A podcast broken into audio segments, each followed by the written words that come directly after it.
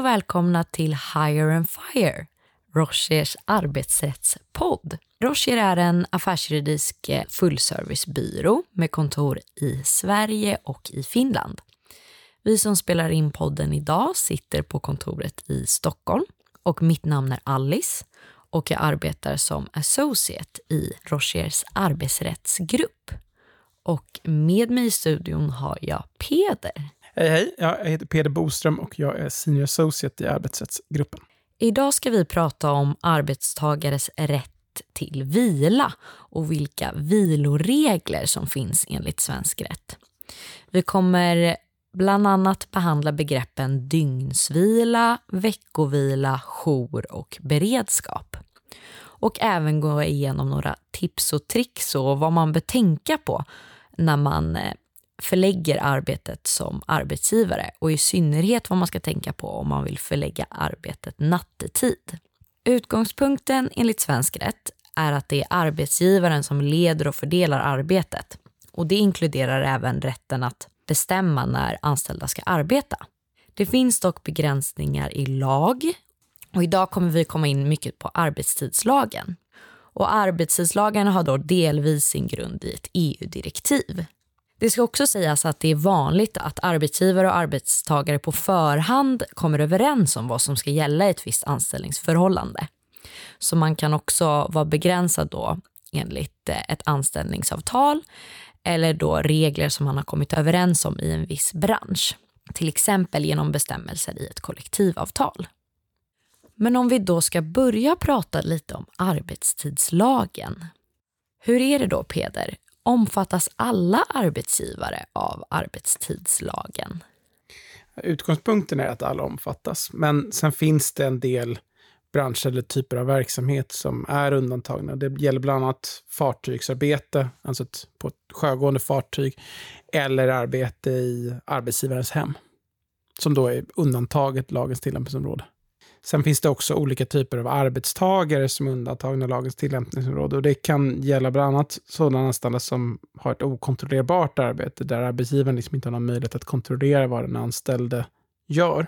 Och lagen gäller heller inte personer som är i företagsledande ställning eller som annars har ett ansvar eller en möjlighet att förlägga sin egen arbetstid. Och hur är det då Gäller lagen för alla eller kan man till exempel göra avsteg från lagen genom kollektivavtal? Ja, arbetstidslagen kan avtalas bort helt eller delvis. Det finns dock vissa bestämmelser i lagen som innehåller en så kallad EU-spärr. Den EU-spärren innebär att man kan inte träffa kollektivavtal som är mindre förmånliga än de regler som framgår av det här direktivet som vi nämnde tidigare. Så har man kollektivavtal så är det viktigt att man liksom utgår från vad som står i det här kollektivavtalet angående vilka viloregler och vilka arbetstidsregler i allmänhet man tillämpar på arbetsplatsen. Men om man då inte har kollektivavtal, vilka regler är det som egentligen gäller då när det kommer till vila och beredskap och jour med mera? Ja, eh, till att börja med då så är det två viktiga begrepp som är viktigt att ta med sig då när man går igenom arbetstidslagen och när man diskuterar om den. Och eh, det har dels att göra med vad en vecka är eh, och vad ett dygn innebär. Och ett dygn innebär ju då 24 timmar och en, en vecka innebär sju dagar. Men det behöver nödvändigtvis inte vara måndag till söndag utan veckan kan förläggas på olika sätt enligt arbetstidslagen. Ja, och detsamma gäller ju även när ett dygn börjar. Det behöver inte nödvändigtvis börja vid midnatt utan vid någon annan tidpunkt som man också kan välja. Och Arbetstidslagen stadgar då att en arbetstagare ska ha rätt till minst 11 timmars sammanhängande ledighet under varje period om 24 timmar. Och det kallas då dygnsvilan. I lagen stadgas också att i dygnsvilan som alla arbetstagare har rätt till ska tiden mellan midnatt och klockan fem ingå. Och detta brukar benämnas ibland som nattarbetsförbudet eftersom man då som regel inte ska eh, kunna jobba mellan då midnatt och klockan fem. Men i bestämmelserna om eh, dygnsvila och nattarbetsförbudet så föreskrivs viss möjlighet till undantag.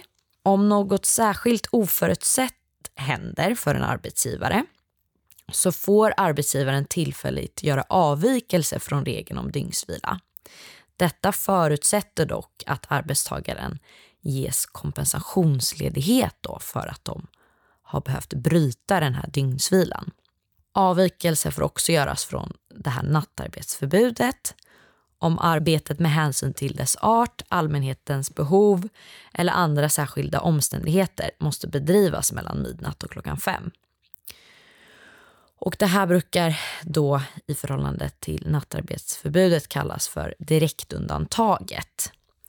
Och eh, ett exempel på sådana verksamheter är banker som ibland då måste ha arbetare som jobbar natt för att de ska kunna utföra liksom vissa säkerhetsåtgärder och så på arbetet. Det ingår liksom som en del i arbetet. Har man kollektivavtal så kan det ju framgå enligt det kollektivavtalet vad som krävs i form av eventuellt godkännande från facket för att få arbeta natt. Eller så, som vi precis hört från Alice, så kan det vara så att en viss verksamhet är direkt undantagen för att den är så pass viktig att verksamheten behöver bedrivas eller måste bedrivas nattetid.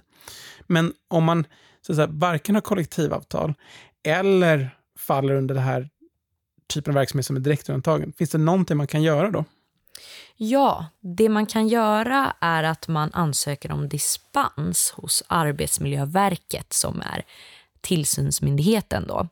Så är det så att en arbetsgivare planerar för att ja, men vår, några av våra arbetare måste faktiskt jobba natt, då får man helt enkelt ansöka om den här dispensen. Och exakt hur man går tillväga för detta finns det mer information om på Arbetsmiljöverkets hemsida. Så där kan vi hänvisa till den. Och efter att ansökan har gjorts då så gör ju Arbetsmiljöverket en bedömning och handläggningstiden över det kan variera. Men det är generellt sett viktigt att man ansöker om dispens i tid. Vad är det för omständigheter som Arbetsmiljöverket tar hänsyn till i sin bedömning om dispens ska beviljas? Ja, alltså det är viktigt då att liksom lyfta objektiva grunder till varför arbetare ska jobba natt eftersom att det här generellt sett är förbjudet. Och eh, Arbetsmiljöverket tittar bland annat på liksom verksamhetens art. Kan inte det här arbetet istället göras på dagtid? Så man måste liksom ha eh, objektiva behov för att det här just ska ske nattetid. Man tittar även på liksom allmänhetens behov av att det här arbetet utförs nattetid och om det liksom finns ett samhällsintresse av att det här sker nattetid. Så det är lite saker som Arbetsmiljöverket tittar på. Över till dig då Peder. Utöver den här dygnsvilan som vi har pratat om, finns det någonting annat man har rätt till? Ja, anställda som omfattas av arbetstidslagen har utöver rätten till dygnsvila även rätten till så som kallas veckovila. Och veckovila är en period om minst 36 timmar. Och den här perioden då ska så långt som det är möjligt placeras till veckoslut. Men det är inget absolut krav på det samma sätt som gäller med nattarbetsförbudet. Utan är det så att verksamheten behöver drivas på helgen så får den också bedrivas på helgen. Och på samma sätt som vid nattarbete så är det möjligt att göra avvikelser från kravet på 36 timmars sammanhängande veckovila tillfälligtvis om det sker liksom under förutsättningar som arbetsgivaren inte har kunnat förutse. Och att det dessutom då krävs att arbetsgivaren ger ut kompensationsledighet efter då att en anställd har brutit sin veckovila. Två begrepp som oftast kommer upp när man pratar om just dygnsvila och veckovila är jour och beredskap. Vad innebär det egentligen? Ja, alltså vid sidan av den vanliga arbetstiden förekommer att anställda också behöver arbeta så kallad jour eller beredskap. Vid jour arbetar inte en anställd, men en anställd vistas på arbetsplatsen och är liksom beredd att utföra arbete på arbetsplatsen. Vid beredskap behöver arbetstagaren inte vara på arbetsplatsen, men han får befinna sig på någon annan plats och vara beredd att därifrån ta emot ett meddelande från arbetsgivaren att arbete behöver utföras.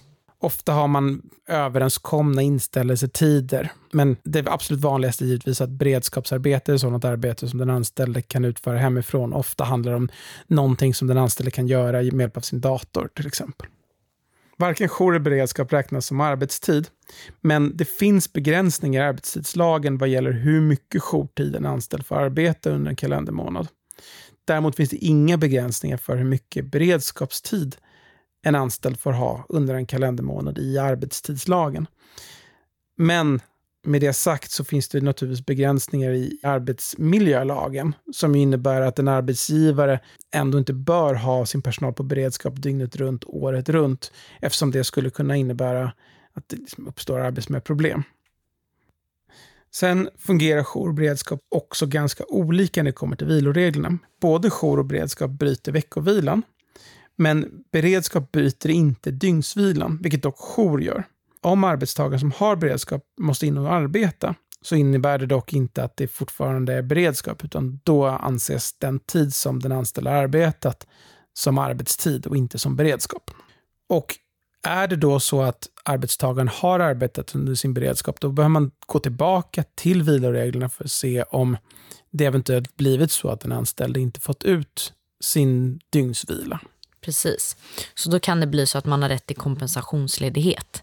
Så om det till exempel är så att man har behövt arbeta under natten under tiden man då varit på beredskap så kan man ha rätt till kompensationsledighet så att man då kan komma in senare till kontoret dagen efter. Men som vi har varit inne på så finns det lite olika sätt man kan beräkna det där. Men det är viktigt att tänka efter vad som händer om man måste jobba under beredskapen helt enkelt. Och det är ju också viktigt att ta med sig att det är inte heller självklart att även om det är så att säga det som inträffar är oförutsägbart i, i någon bemärkelse, är det inte självklart att man om man saknar dispens för nattarbete, antingen genom direktundantag eller för att man har fått en dispens från Arbetsmiljöverket, så är det inte självklart att den anställde har rätt att utföra arbetet, att arbetsgivaren har rätt att kräva att anställda ska utföra arbetet eftersom det kan vara ett brott mot nattarbetsförbudet som alltså även gäller om man har beredskap.